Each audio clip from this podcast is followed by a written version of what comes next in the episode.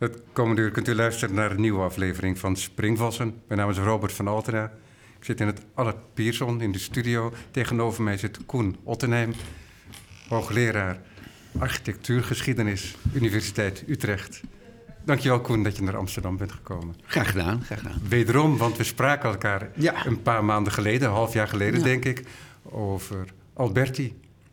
Prachtige Nederlandse editie verschenen. En daar had jij een voorwoord bij geschreven, of een nawoord. Nawoord, ja. Het was Precies. voorwoord geschreven, het was nawoord geplaatst. Exact, ja, precies. Leon Battista Alberti, architectuurtheoreticus. En via de the- theorie uiteindelijk ook praktiserend architect geworden. Dat is misschien Ja. eh, de, de richting die hij nam. Ja. Zo was de volgorde, dacht ik. En dat is een renaissance man.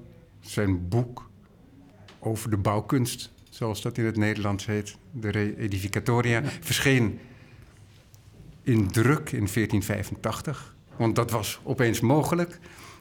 Toen hij dat boek schreef, was die boekdrukkunst er nog niet. Op die manier. Ja, dat is een bijzonder kantelpunt. ja. En dat is ook significatief voor ons onderwerp voor vandaag. En dat is namelijk een latere collega van eh, deze Alberti, Vincenzo Scamozzi. En Vincenzo Scamozzi die leeft tussen 1548 en 1616. En een jaar voor zijn overlijden verschijnt zijn architectuurtraktaat. En dat is... ehm, nou, help me eventjes. L'idea dell'architettura exact. universale. Exact. Ja. Precies, en die titel die is meteen al heel groot. Hè? Dat gaat niet alleen over de bouwzaken, hè, de re-edificatoria, maar over de universele architectuur. Daar gaat een hele reis aan vooraf. In, Nou, een heel leven bijna. Ja. in die ideeën, nou, zijn leven, Ja, zijn persoonlijke leven. Maar er is ook meer, want tussen Alberti en Scamozzi worden er meerdere traktaten geschreven. Ik heb hier op een rijtje staan Sebastiano Serlio, verschijnt in 1537, meen ik.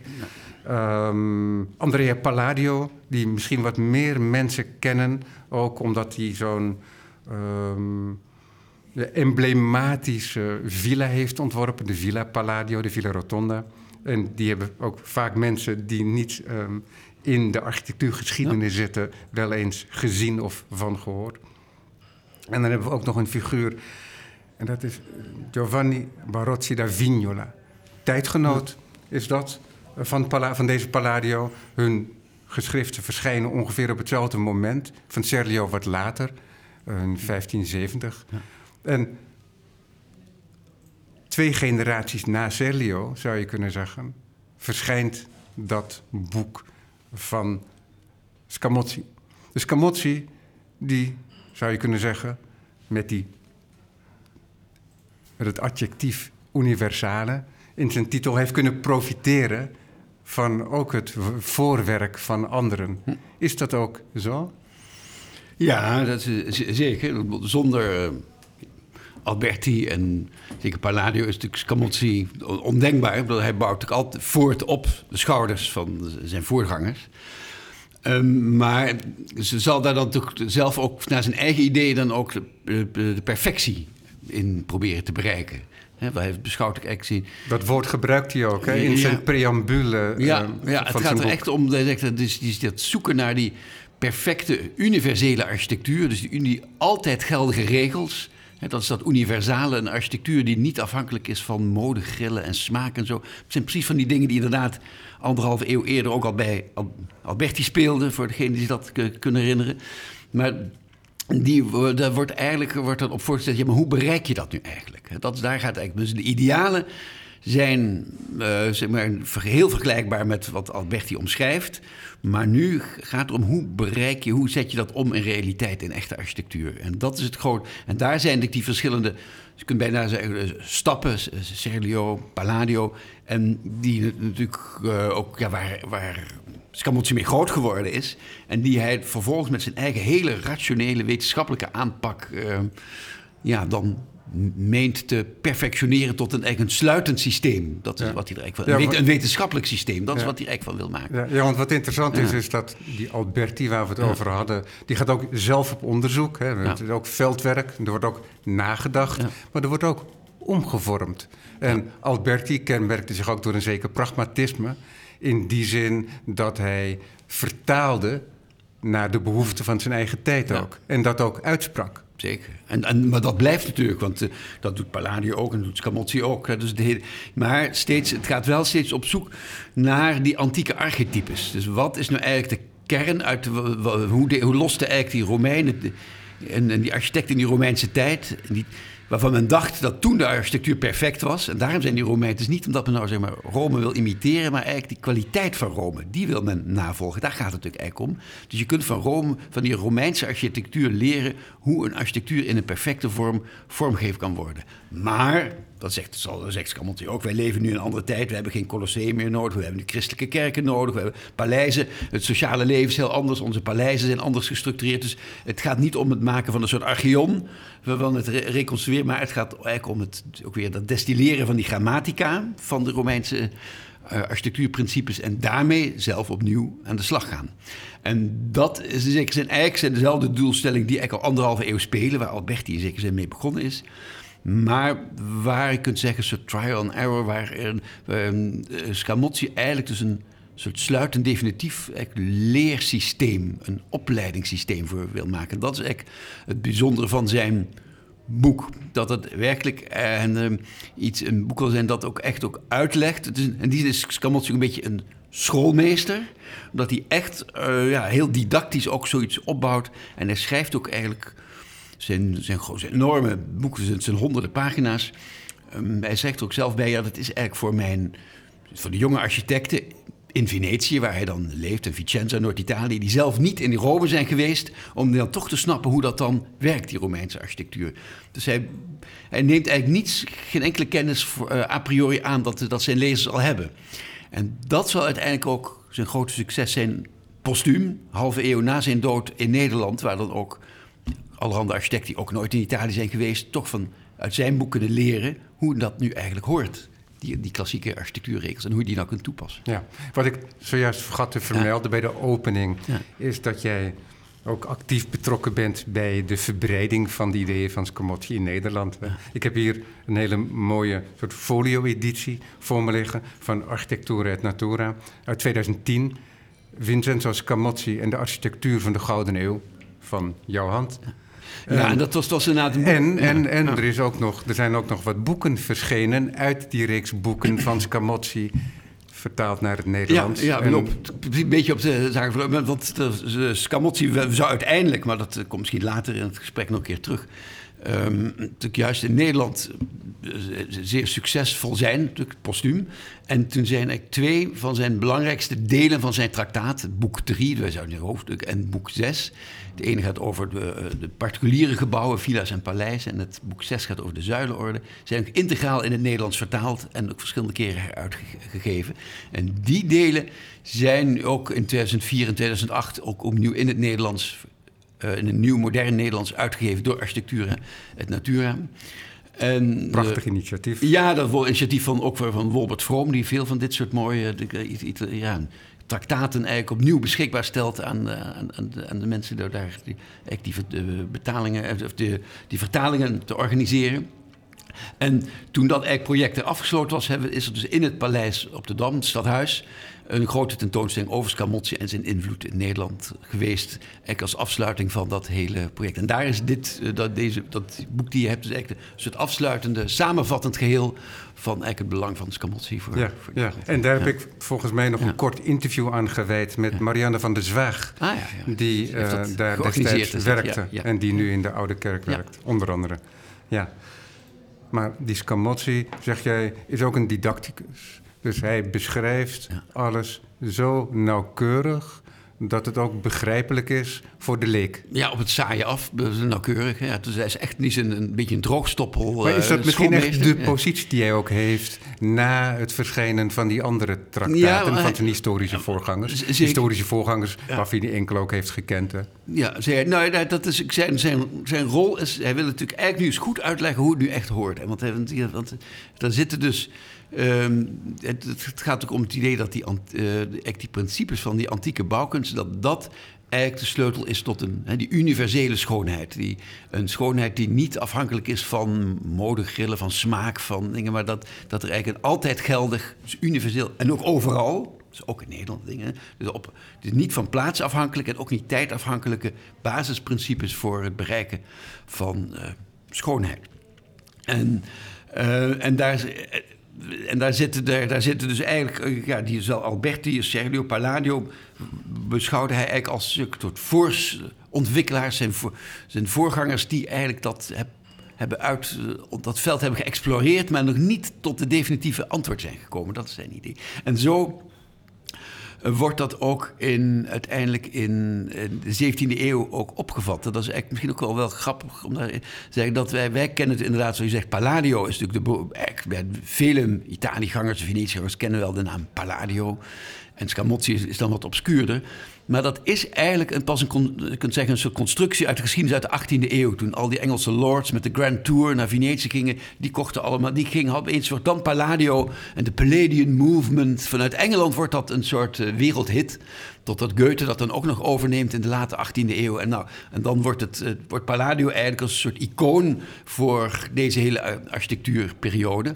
Maar dat is dus eigenlijk twee eeuwen na, na Palladio. Terwijl eh, in de tijd zelf, of vlak daarna, in de, in de 17e eeuw, in, in, de, in, Nederland werd, ja, ook, en ook elders werd, ja, kenden we natuurlijk ook Palladio. Het boek werd ook gelezen, werd ook gerecipieerd. Maar ook Palladio werd eigenlijk slechts beschouwd als een soort interessante voorganger van Scamozzi. Want bij Scamozzi kon je het nou echt lezen. Het definitieve, het definitieve, het laatste woord, hoe het nou hoort. En dat komt, is wel eens mooi vergeleken. Ja, Palladio is toch een beetje wat poëtischer, zou je kunnen zeggen. Eh, zijn boek is, geeft eh, alleen maar ideale situaties.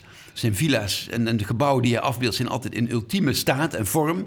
Also, het zijn een soort, echt, zeg maar, eh, ja, plat, Platoonse visioenen van perfecte architectuur en niet de echte architectuur op de, zoals, die op, aarde- zoals die ook zijn eigen villa's uitzien. Dat is ook altijd de, al de grote teleurstelling van iedereen die met de Quattro Libri van Palladio door de Veneto rijdt. Dus dat al, als je dan die villa's van Palladio bezoekt, dat ze nauwelijks op lijken wat in het boek staat en wat je ter plekke aantreft.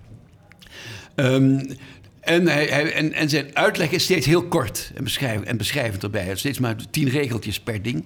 Dat is natuurlijk ook, daardoor is het boek zo visueel zo aantrekkelijk, omdat het gewoon driekwart afbeelding is. Bij is, gezegd, is het in die zin veel didactischer. Die legt het echt eigenlijk ook allemaal uit. Hoe, hoe kom je daar nu eigenlijk toe? En het mooie van, van dat is dat hij eigenlijk dus twee poten heeft. Hij is natuurlijk en een soort, ja, die wetenschappelijke poot die Alberti ook wel had. Meer nog dan een Palladio, die echt, echt vanuit de steenhouwerij kwam. Maar, maar, de mm, Scamozzi, zijn vader was landmeter en zo. Hij heeft, hij heeft een goede opleiding gehad, een goede school in Vicenza. Hij heeft in Rome wiskunde gestudeerd en zo. Dus hij is echt, ehm, ja, echt, zeg maar, hoog, goed opgeleid in, in echt beta-vakken, zou zouden wij nu zeggen.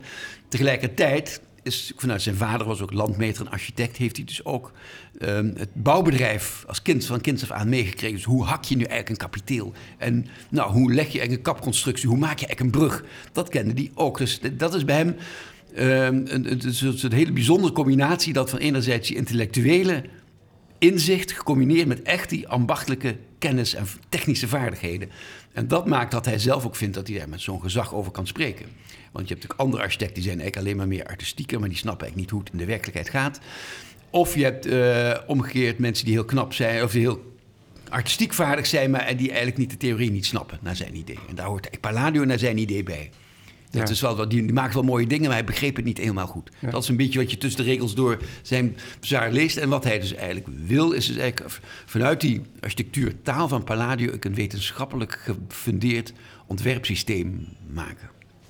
Ja, Wat, wat ik nou zo interessant vind, is dat hij een synthese verpersonifieert Ja, tussen die praktijk en die theorie.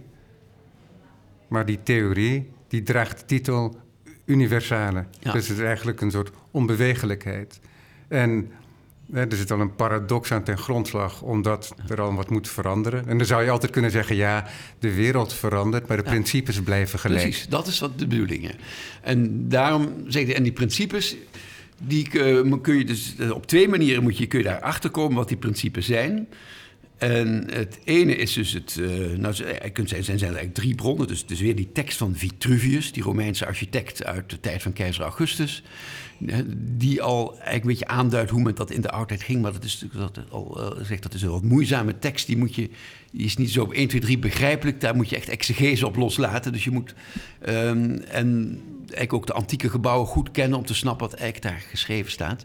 Dus je moet antieke gebouwen bestuderen.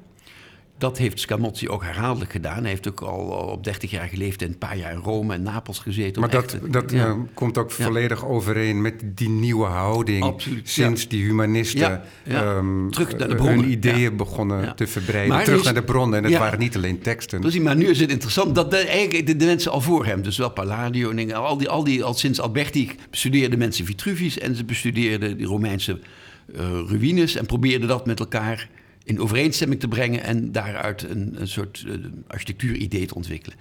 Maar van beide dingen, nou komt het interessante punt, daar voegt Scamozzi iets aan toe. Dan komt echt de schoolmeester eh, op de prop. Hij zegt nou ja, dat is wel zo, maar Vitruvius schreef zijn tekst rond het jaar nul, tijd van Augustus, terwijl de meeste, en hij, dan komt echt zegt, de meeste gebouwen in Rome zijn van veel latere tijd. Die zijn uit de Romeinse keizertijd en die, zijn, en die kende Vitruvius helemaal niet. Dus ten dele is die tekst niet, niet sluitend. Dus we moeten verder denken dan alleen aan eh, Vitruvius. Dat is punt één. En het tweede punt is dat zeg ja, die Romeinse ruïnes, die zijn ook niet perfect. Want, want er, zijn, er is gehandeld met die zuilen in de latere tijd. Mensen hebben eh, de spolia-zuilen hergebruikt en zo. Je kunt die... En Romeinen maakten ook wel fouten. Dat komt eerst keer... Dus, er komt dus we moeten eigenlijk, als je het echte systeem wil achterhalen... moet je het vanuit de wetenschap, dus vanuit de mathematica... eigenlijk een soort zeg maar, ideaal ontwerp... wat is eigenlijk het ideale systeem daarachter? En dat in de praktijk dan eigenlijk altijd aangepast wordt aan de werkelijkheid. En Maar dat, vind- dat vind ik heel ja, interessant aan een praktijkman. Is dat dat idee ehm, van een systeem, alsof dat al mm, helemaal voorbestemd was te zijn. Ja. Hè, dat er één systeem is. Ja. Omdat je zou, je zou toch denken dat een praktijkman. En hij zegt al, ja, de praktijk van de Romeinen was weerbarstig. Hè, we hebben de geschiedenis, maar we ja. hebben ook eh, de mens die verschillende interpretaties doet. Daar is hij allemaal mee van op de hoogte. Maar toch dan die volharding in dat idee van ja, een soort Platoons archetype. Nou, niet een soort. Het is, echt, het is architectuur. gewoon echt neoplatonisme. In Ja. feite. Ja. Gecombineerd met Aristotelisch eh, systeemdenken. Dus dat is eigenlijk het wonderlijke waar dat ook. het is een soort Platoons ideaal van er is een perfectie. Ergens in, de, in, de- in het goddelijke systeem. En dat is dan eigenlijk weer dat Platoons-christelijke. Dat namelijk dat eigenlijk de hemel en aarde zijn geschapen door God.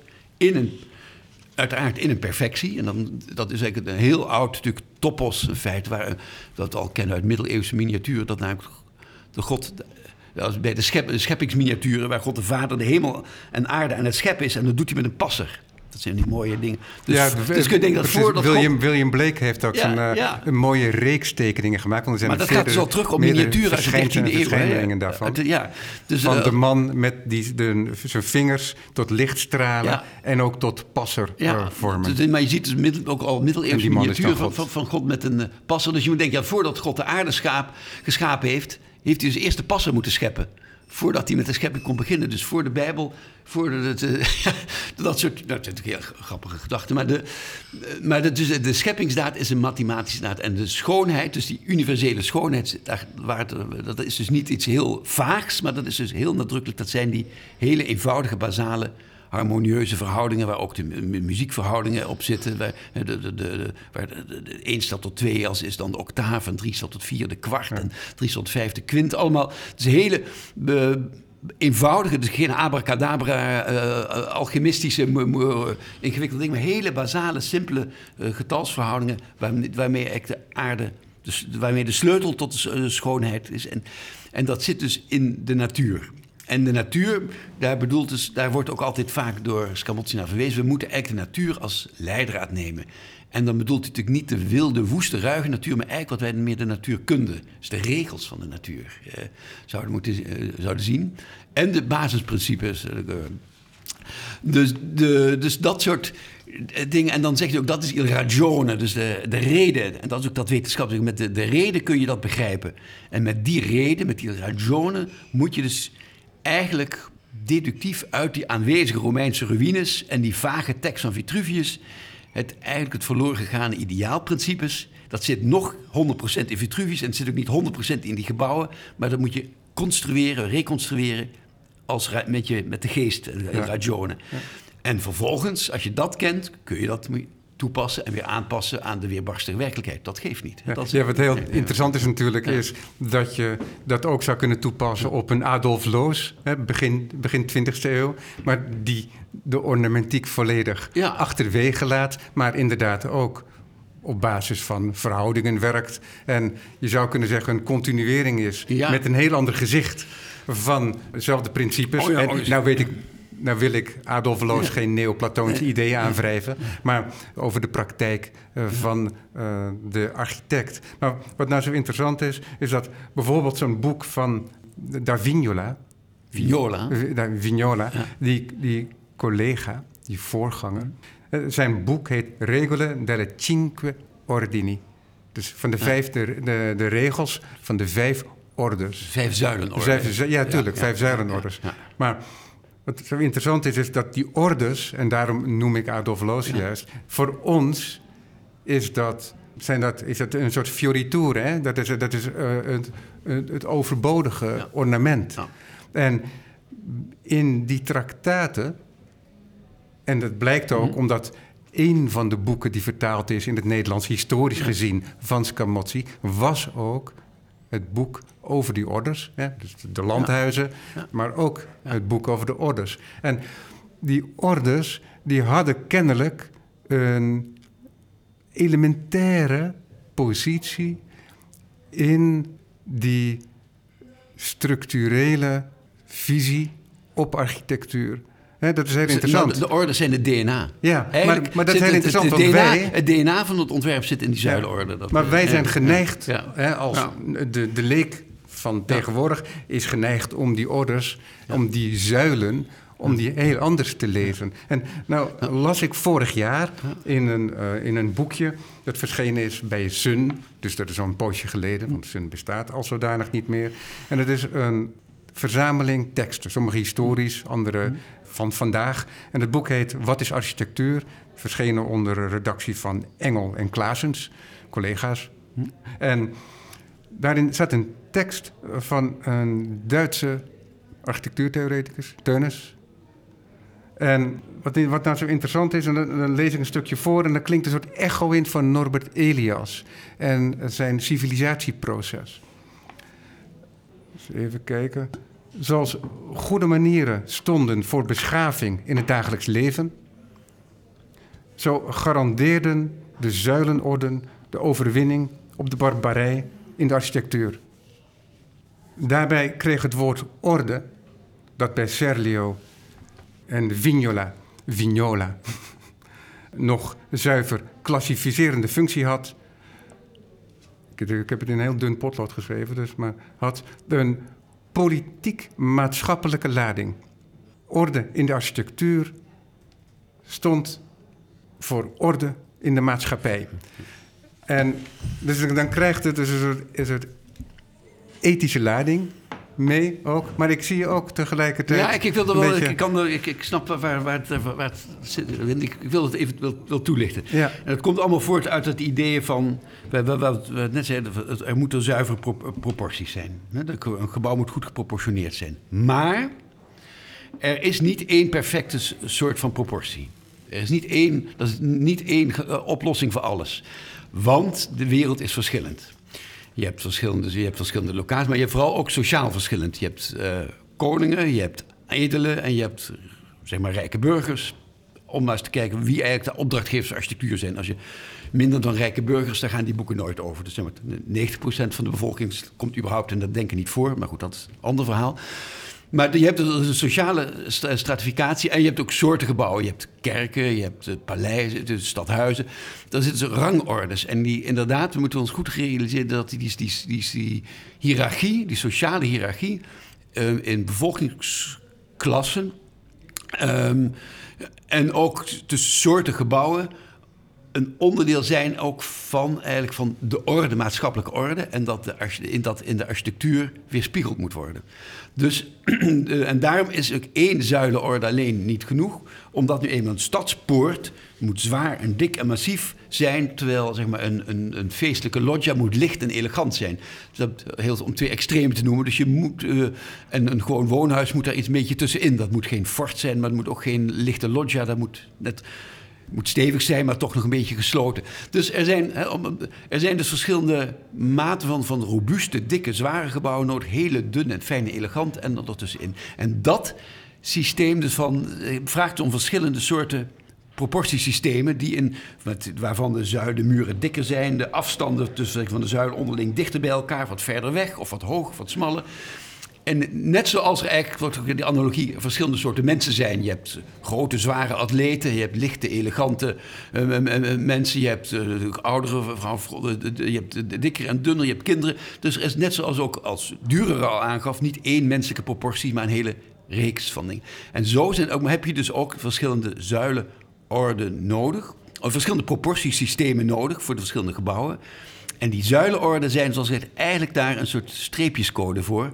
Voor die verschillende proporties. Het zijn eigenlijk DNA voor, met een, een Dorische zuilenorde. kunt een heel Dorisch gebouw ontwerpen met Dorische proporties. zonder enige Dorische zuil erbij. Maar wel die proporties eruit, die afleiden van de maat tussen deur en.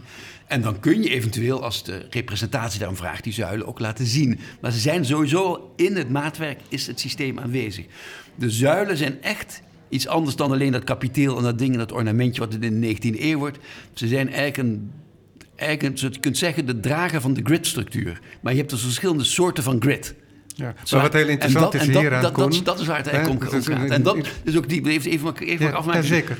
Dus voor, en om, daarmee kun je dus, zijn dus die zuilen, daarom hebben ze ook zo'n cruciale rol in de architectuurtheorie uit die tijd. Niet omdat, uh, omdat nou, de, de, hele architectuur om die zuilen draait, maar omdat in die zuilen eigenlijk een soort, inderdaad gezegd, die nucleus gezien wordt van uh, verschillende manieren van uh, ja, een soort palet van verschillende mogelijkheden om een gebouw te maken. Een, een, uh, dus de zuilen zijn, zijn, niet iets wat je aan het laatst pas de opplakt van kom, nou, het, mijn geveltje is zeg maar mijn loos, ornamentloos huis ontworpen en zal ik nou Dorisch of Corinthisch opplakken? Nee, het is van tevoren moet je het al bedacht hebben, want alles, de maten, de vensters, de hoogtes, is al anders als je het Dorisch ontwerpt dan dat je het Corinthisch.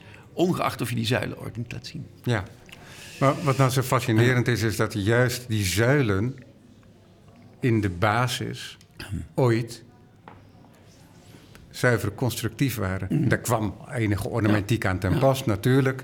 Maar in de basis is een zuil een constructief element. Ooit, ooit. ooit. Ik ben een Grieken. En, en, en, en, wat interessant is, is dat het in onze huidige perspectief helemaal ornament is geworden. maar dat is eigenlijk al in de, Romeinse oudheid. Want die, eigenlijk zijn die zuilen als puur constructief geheel, dan moet je denken aan de zuilen van Peestum of de Acropolis, waar echt die zuilen, de hele architectuur in een Griekse tempel is echt een, van een architectuur, een skeletbouw uit verticale zuilen en horizontale balken, de architraaf en de kroonlijst die daarop liggen. helemaal een stenen mecanodoos, waarin die zuilen dragen en die dragen horizontale uh, stenen die daarop liggen.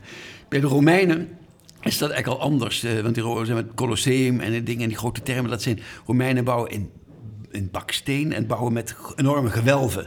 Gewelfconstructies, grote bogen. Eh, denk maar aan dat Colosseum, dat is eigenlijk een heel netwerk van tongewelven.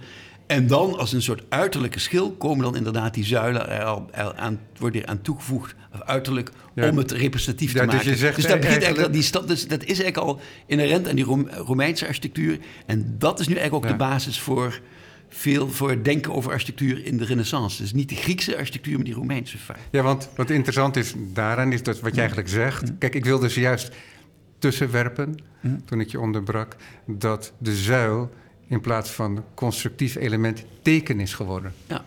Het teken voor functie van het gebouw, statuur... en dus ook reflecterend inderdaad de sociale stratificatie... maar ook of het kerkelijk is of ambtelijk of betrokken met, uh, met de heerser, de, Ja. betre- de betreffende wereldlijke heerser. En dat is allemaal af te lezen, in zekere zin, Helemaal op waar. een gegeven moment. ja. En dus het is echt eh, een semiotiek wordt het, hè? Het wordt een, tekenleer in die zin. En, maar die tekenleer, er zit heel veel ruimte in. Omdat dat kun je op verschillende manieren toepassen. En Scamozzi, die als de laatste in de reeks die wij noemden, is degene die dat tot een soort schoolsysteem maakt, zou je kunnen zeggen. Een leer, ja, ja. Ja.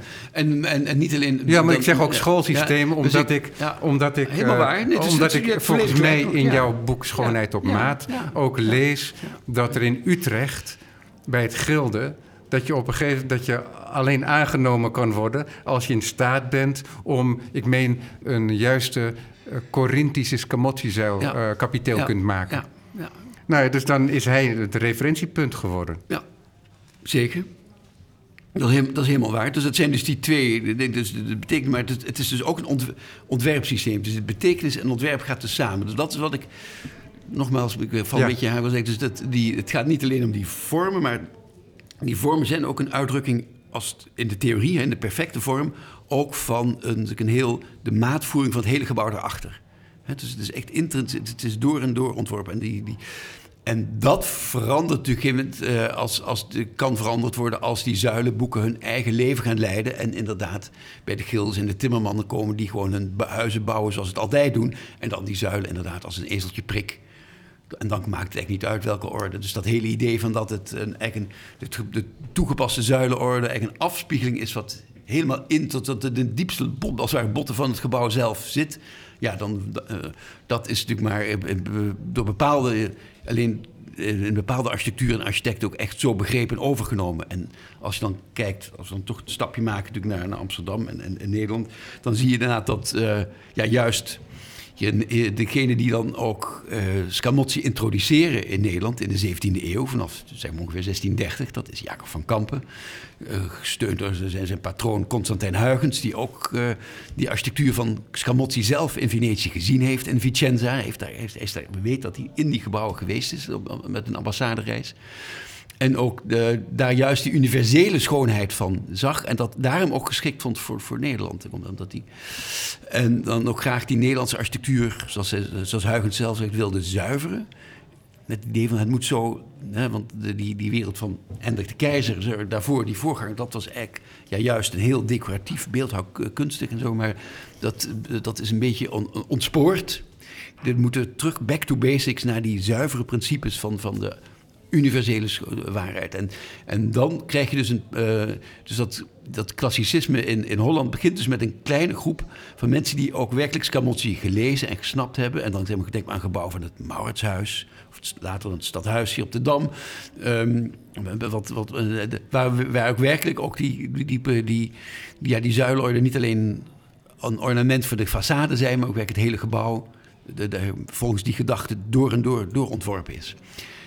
En, en, dus dat klassieke ja. idee ook representeert ja. uh, van de commensurabiliteit. Dus dat alle delen met elkaar samenhangen Absoluut, en dat je geen deel kunt veranderen zonder het geheel te dat veranderen. Dat objectief, precies. Exact. ja, exact. Ja, nee, zoals die idealen blijven. Dus, het is, het is niet, dus Camozzi is dus niet uh, anders dan Alberti. Hij bouwt alleen de toepassing. Hij bouwt erop voort in het... In het in het, in, hoe moet je dat dan werkelijk in de praktijk doen? Want daar zegt Alberti ja. ook niks over. Ja. Toen ik van de zomer, um, want die, al die boeken die staan tegenwoordig op internet, dus ik vond uh, zo'n historische editie Hm. van, de, van die boeken van Scamozzi. En ik meen gelezen te hebben van de zomer, toen ik zo'n pdf Hm. voor me had, dat hij schrijft dat architectuur een scienza speculativa is.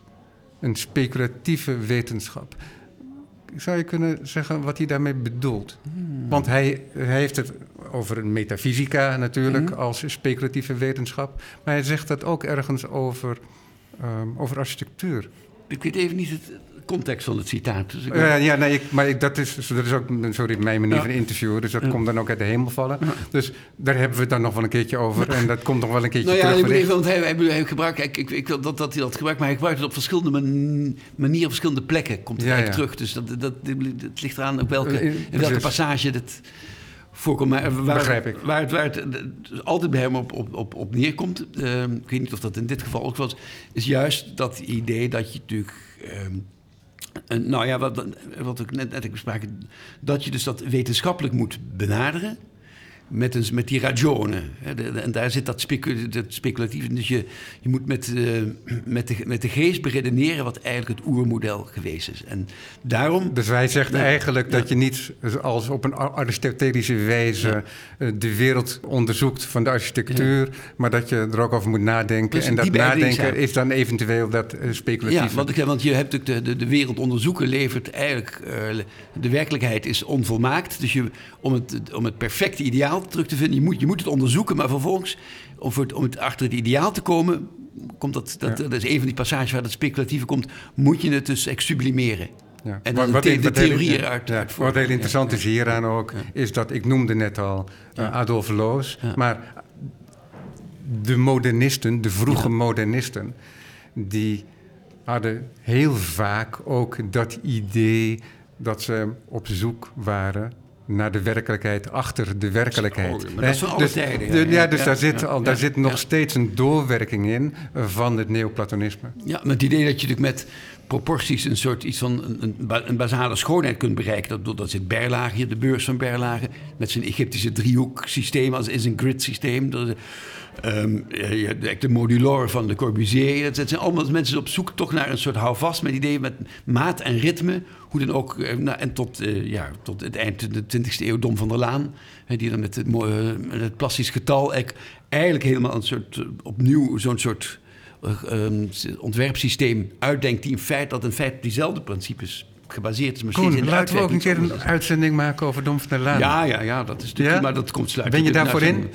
Kunnen we een keer doen, ja. ja. Nou, dat is, eh, dat is dan eh, een, Ja. een, een mooi eh, vooruitzicht. Ik zal even kijken waar we nu zijn. Ja. We hebben nog, nou, wat ik nog eh, eh, wel zeg over die zuilenorde, dat is nog wel. Eh, Wat doet eh, Alberti nou, eh, of eh, Scamozzi nou eigenlijk echt anders dan zijn voorgangers? Want dat is misschien wel interessant om dat toch uit te leggen. Dat is nou dat die, ehm, die, die zuilenorde. Eigenlijk, zoals gezegd, die, die, dat, eh, zeg, die zijn natuurlijk echt drager van die identiteit van een gebouw door die verschillende verhoudingen. En nou vindt dus Scamozzi natuurlijk van belang dat elk onderdeel van die zuilenorde dus ook zijn eigen, eh, eigen verhoudingen heeft. Dus het basement, het kapiteel, het, de kroonlijst. Dat weer anders is dan zeg maar, in het Dorisch en het Jonisch of het Corinthisch en composiet. Dat die, eh, al die onderdelen hun eigen per zuilenorde, eh, dat daar een gradatie in zit. En een mooie, weet, een mooie mathematisch oplopende reeks van, ehm, van de verhoudingen. Dat, het, eh, voor een, dat je de ene is verhouding van één, eh, nou, dat het langzaam een oploopt. En dat is zijn grote, eigenlijk het boek van Vignola, dat u al een paar keer genoemd hebt, is eigenlijk geen traktaat. Dat is een heel klein boekje. Dat zijn, het gaat alleen over die vijf zuilenorden. Er wordt eigenlijk niets in toegelegd. Dat is onvergelijkbaar met die honderden bladzijden echt theoretische tekst van ehm Scamozzi. En het is ook niet zo door ook Vignola bedoeld als echt traktaat. Het zijn gewoon een how to do it voor de, voor de steenhouwers. Ehm, maar wat eh, Vignola wel doet, dat hij eigenlijk eh, een hele versimpelde reeks van verhoudingen geeft... waar eigenlijk bijna voor elk van de onderdelen van die zuilenorde, in elke zuilenorde meer het, hetzelfde zijn. Namelijk dat de kroonlijst of het, of het hoofdgestel moet een kwart zijn van de lengte van de zuil. Het, baas, het piedestal moet een derde zijn en dat is in al die zuilenorden hetzelfde. Het Corinthisch en het composiet, die zijn eigenlijk hetzelfde, die zijn alleen als ornament anders. En verder, dus het is een hele. En, en zoals eh, Vignola zelf schrijft, mijn zuilensysteem is zo gemaakt dat zelfs een domme architect het goed kan doen. Maar wat daar dus mist is die persoonlijke, die individuele eh, differentiatie. Om nou echt een, het karakter, al- behalve dat het tussen die zuilenorde verschillen, vooral in ornamenten en niet meer in, die, in dat eigenlijke karakter in hun, zeg maar, hun body. En dat is wat ik, eh, Palladio wel doet. Want Palladio geeft voor elke zuilenorde een eigen maat, voor elk onderdeel een eigen maat. Maar tussen al die maten zit geen enkele samenhang. Is geen op, mooie oplopende, zeg maar, een mathematische reeks van drie naar drie een kwart, drieënhalf, drie. Nee, het is elke keer anders en ook elke keer anders bepaald Heel intuïtief. intuïtiever en ook dingen. En de ene keer is het van dat onderdeel afgeleid vandaar, maar uiteindelijk wel voor elke zuile een eigen maatsysteem. En wat Scamozzi dus eigenlijk wil doen, hij wil zeg die individualiteit van de zuilenorde van Palladio combineren met het systeemdenken van Vignola, maar, nu wel, eh, maar dan in een doorgaande reeks. Dus hij ontwerpt echt een matrix bij al die zuilenorden, de vijf zuilen op een rij. En per onderdeel, als het ware, meegroeien van de Toscaans, het Dorisch, het Ionisch, composiet en uiteindelijk het Corinthisch.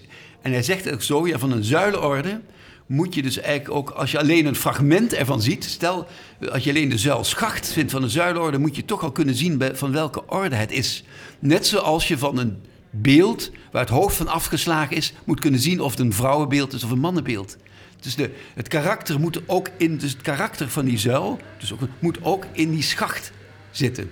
En dat is nou, ja, dat is natuurlijk heel, dat zeg maar Scamozzi in zijn meest zeg maar, ver doorgevoerde idee dat je de, en dat is waar, zeg maar, zijn zogenaamde wetenschappelijke idee, dat het, het allemaal oplopende mathematische reeksjes zijn. Dat je aan elk profieltje al kunt zien of het, ook al ontbreekt de rest, of het toch een Dorisch profieltje is of een Corinthisch. Alleen aan de aard van. En steeds de oplopende reeks van zwaar en robuust. Bij de primitieve orde, Dorisch en het uh, Toscaans, naar de heel verfijnd en rijk en uitgewerkt en elegant met allerhande sublijstjes erbij in het Corinthisch en het composiet. En de Ionische orde in het midden, als een soort de gulden middenweg. En daarom zeg ik, de Ionische orde daarom ook de meest populaire, want dat is ook de, letterlijk de mediocrita. Dus de mediocriteit niet van de middelmatigheid, maar van de middenmaat. De gulden maat, de gulden middenweg, die niet een extreme, niet zo zwaar en robuust en ook niet zo elegant. Dus het Ionisch is daarom ook, ook in de 17e eeuw in Nederland het meest gebruikt. En ook dat sluit ook aan bij wat Scamozzi zegt. Ja, want Corinthisch is eigenlijk alleen maar voor heersers of zo. Of in Amsterdam, zullen we maar zeggen, voor de echte patjepeers zoals de Trippen en het Trippenhuis en zo. Die, dus die, eigenlijk het stadhuis, natuurlijk, dat moet Corinthisch zijn. Dat is de hoogste autoriteit in de stad, die moet de hoogste orde. Maar voor een burgerswoonhuis is het onge, eigenlijk ongepast. En het, uh, dus een burger moet jonisch zijn. Dat is wel überhaupt grappig te zien dat dat gevoel voor maat in Amsterdam volkomen afwezig is in de 17e eeuw. Het is eigenlijk de nouveau riche die gewoon uithaalt en elkaar gewoon uh, concurreert in de een nog zeg maar een, snellere auto dan de andere, maar dan nog een, een duurdere, hogere zuilenorde dan de andere. Terwijl in Den Haag aan het Hof is het hiërarchisch denken natuurlijk ook... Ja, daar is je rang, het gevoel van rang en status... wordt niet bepaald door hoe rijk je bent... maar toch echt je, maatschappelijke rang. Dus daar is het gewoon ongepast als de prins van Oranje... het paleis Noordeinde Corinthisch doet. Eh, hoogst, natuurlijk, want dat is de prins. Dan is het niet gepast dat Huygens als uh, zijn secretaris dat ook doet. En dat snapt hij ook, dan doet hij ook niet. Nou, dat hij dan een een andere, uh, en ook Johan Maurits, uh, in het Mauritshuis, dus maar, dat is maar de neef van de stadhouder. Dus die bouwt dan een Ionisch paleis aan de buitenkant. Dus om, om duidelijk te laten zien. Het, heeft dus niets met, met geld te maken, maar ik, eh, de, ja, ik, de, de, dus de, de sociale hiërarchie, en die is natuurlijk in zo'n hofstad, ligt dat natuurlijk veel gevoeliger.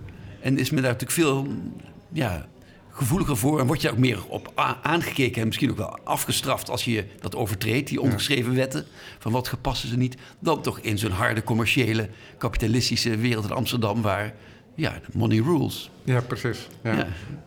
Wat ik nog wilde noemen is dat in jouw boek eh, Schoonheid op maat um, noem je ook de Villa Rotonda van Palladio in een boek over Scamozzi. Waarom zou je kunnen zeggen? Nou, Scamozzi heeft een eigen Villa Rotonda gemaakt, zou je kunnen zeggen. Um, en daar zit ook een soort kritiek in hè, op uh, Palladio. Want die Villa Rotonda die kenmerkt zich door vier gelijke façades. Ja. Dat is een huis op een enorm piedestal, ja. zou je kunnen zeggen. Met vier hoofd, uh, hoofdgezichten, ja. hoofdentrees.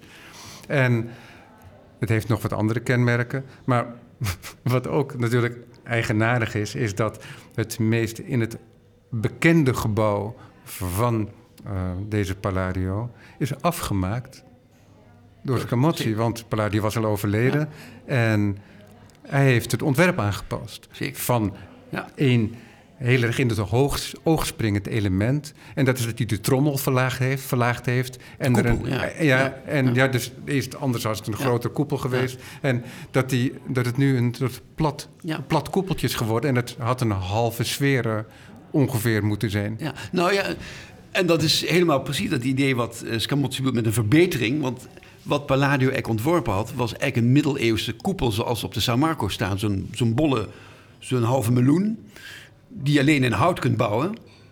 Zo'n soort koepel was op die ronde zaal van de Villa Rotonda ontworpen.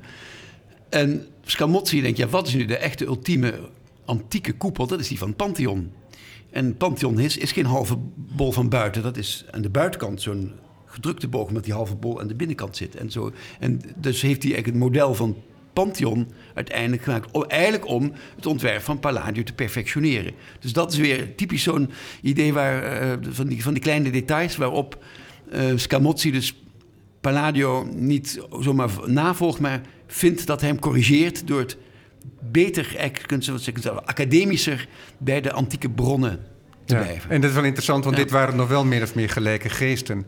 Want um, Scamozzi, beschrijf je ook, heeft ook andere gebouwen um, afgemaakt. Ja omdat de, de opdrachtgever overleed en de ja. beroevende opdrachtgever het op zich nam om het verder af te bouwen. Ja. Andere architecten, architecten en Palladio overleden was op een gegeven moment. En ja. Um, nee, maar dit, dit ik weet niet meer om welk gebouw, dit gaat uit mijn hoofd, maar dat er een wat fantastischer architect de, uh, de, de plint heeft ontworpen over uh, de opdrachtgever ja, overleed. Florence, Palazzo ja, Monfinito. Met, en Buontalenti heeft daar de begaande grond gedaan. Met ja. helemaal drakenkoppen en vleermuiskapitelen. Ja, fantastische begaande grond. Ja. En dan gaat het verder daarboven in een gereduceerde stijl van Scamozzi, zou je kunnen zeggen.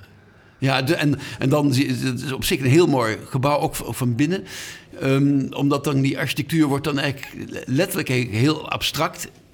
Um, en eigenlijk ook zo zoals misschien zelfs Adolf Loos het nog wel mooi gevonden hebben, omdat het dan ook daar dat ordesysteem eigenlijk vooral een lijnenspel wordt over die gevel van vlakken en lijnen en profielen die doorlopen, waarin hier en daar alleen maar die, zu die zuilenorde ook echt als orde te zien zijn. Maar zoals gezegd, ook uh, die ordes geven als ware de, ook een soort streepjescode aan het gebouw van waar is de plint, waar is het venster, waar komt de bovenkant venster.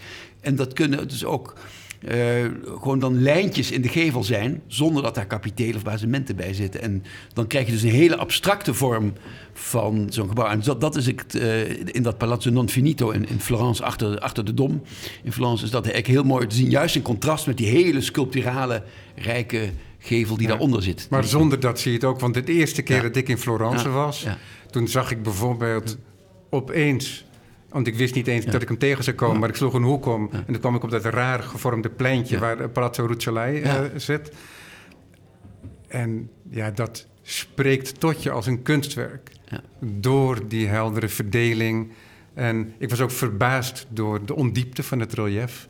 En um, het zag er na meer dan een half millennium uh, nog steeds uit alsof het zo van de tekentafel afkwam. Ja. En, en dat komt door die inherente orde en helderheid uh, die, uh, die die gevel doet spreken. Ja. En in die zin is het helemaal geen gekke gedachte dat die doorwerking bestaat tot aan die modernisten natuurlijk. Denk nee. ik. Nee, dat, zeker niet. Ja. Dus, nee, dus dat, dat ideaal dat van, van een soort zoeken naar een ordeningssysteem waarin je zeg maar, dat dan met schoonheid verwant is, of dat dan al, dat blijft ja, door, door de eeuwen heen een, een, rol spelen. Dat is het, uh, alleen dan, waar zit het dan in? Dat idee daar, dat, dat verandert wel eens, zeg maar. Je hebt dat, verandert niet wel eens, het verandert continu in feite, maar de, de drijfveer daarachter is heel, is een tamelijke constante.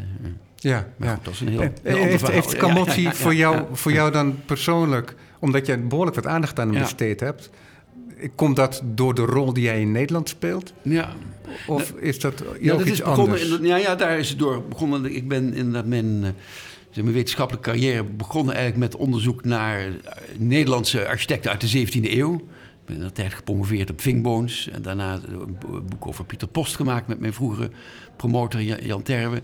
En daarna kwam die tentoonstelling over Jacob van Kampen. En, en, en, enfin, dus ik, die Nederlandse 17e eeuwse architectuur... waarin juist die uh, toepassing van Scamozzi zo subliem is te zien is. Zelfs ook beter dan het eigenlijk in Italië. Dat is, uh, dat is dus eigenlijk om die Nederlandse 17e eeuw goed te snappen... dat Hollands klassicisme, ben ik meer en meer in Scamozzi gaan verdiepen. En maar, zo, maar zeg je nu eigenlijk dat Scamozzi beter leesbaar is in de historische architectuur in Nederland ja, dan in Italië? Zeker, nou, in zekere zin wel. Um, want eigenlijk is de, de echt het grote succes van Scamozzi kwam dus, ik kan bijna zeggen, eh, zo'n zo 50 jaar na zijn, halve eeuw na zijn dood. En, en dan nog een keer op 1500 kilometer afstand, namelijk in Holland en niet in Italië. Dus juist in, in de Hollandse 17e eeuw, waarin die Scamozzi werkelijk de leidraad wordt. En dat uh, voor dat nieuwe klassieke bouwen.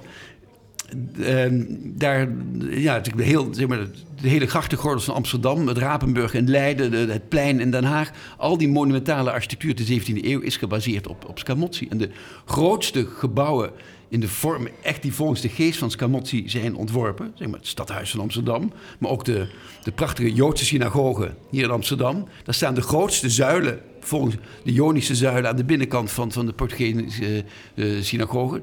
Ja, zo, zo monumentaal vind je het. heeft Scamozzi het zelf nooit kunnen bouwen. En is ook na zijn overlijden is, het ook, is, is die architectuur wel voortgezet door bepaalde architecten. Maar op een dergelijke monumentale manier eigenlijk niet.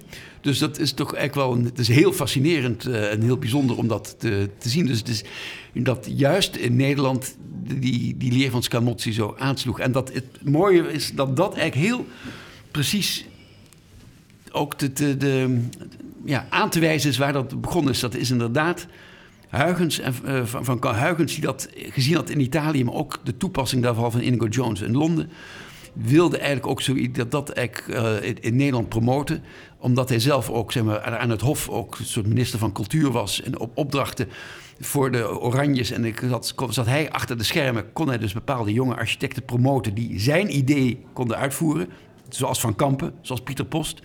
En zo zie je dat binnen tien jaar een aantal van die architecten ook op prominente posities zit. Dus um, de, van Kampen zit zo'n beetje rondom het Hof, maar Pieter Post wordt uiteindelijk hofarchitect. Vingboons, die ook met Van Kampen samenwerkte, wordt de belangrijkste architect hier eigenlijk in Amsterdam.